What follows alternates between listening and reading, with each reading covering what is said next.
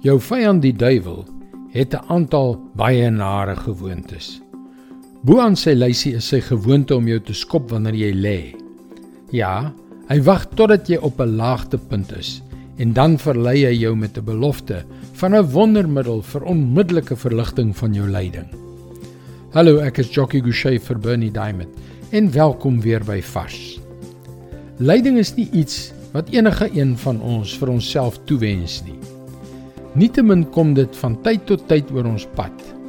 Die grootste lyding van my lewe het amper 3 dekades gelede te midde van 'n verskriklike verraad gebeur. Dit het my byna vernietig. Maar ek het later ingesien dat dit die grootste geleentheid was wat God my ooit kon gee.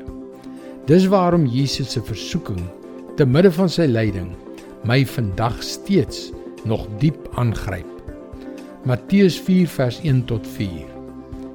Toe is Jesus deur die Gees die woestyn ingelei om deur die duiwel versoek te word. 40 dae en 40 nagte het hy niks geëet nie. En naderhand het hy honger geword. Die versoeker het toe gekom en vir hom gesê: As u die seun van God is, sê hierdie klippe moet brood word.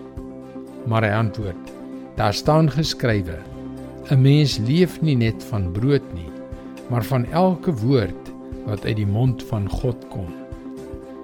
Wanneer jy ly, verlei die duiwel jou deur sy oplossing om jou lyding in jou eie krag te beëindig onder jou neus te swaai.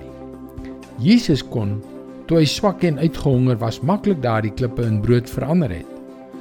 Maar hy het verkies om op God te vertrou en om op sy woord te staan. Lyding maak nooit sin wanneer ons daardeur gaan nie. Maar dit is dalk die grootste geleentheid van ons lewe om op God te vertrou. Om sy getrouheid eerstens te ervaar. Moenie dit misloop deur voor die versoeking te soeg nie. Dit is God se woord vars vir jou vandag. Ek wil jou verseker dat geloofservarings goud werd is. Ek wil jou graag aanmoedig om na ons webwerf varsvandag.co.za te gaan en in te teken.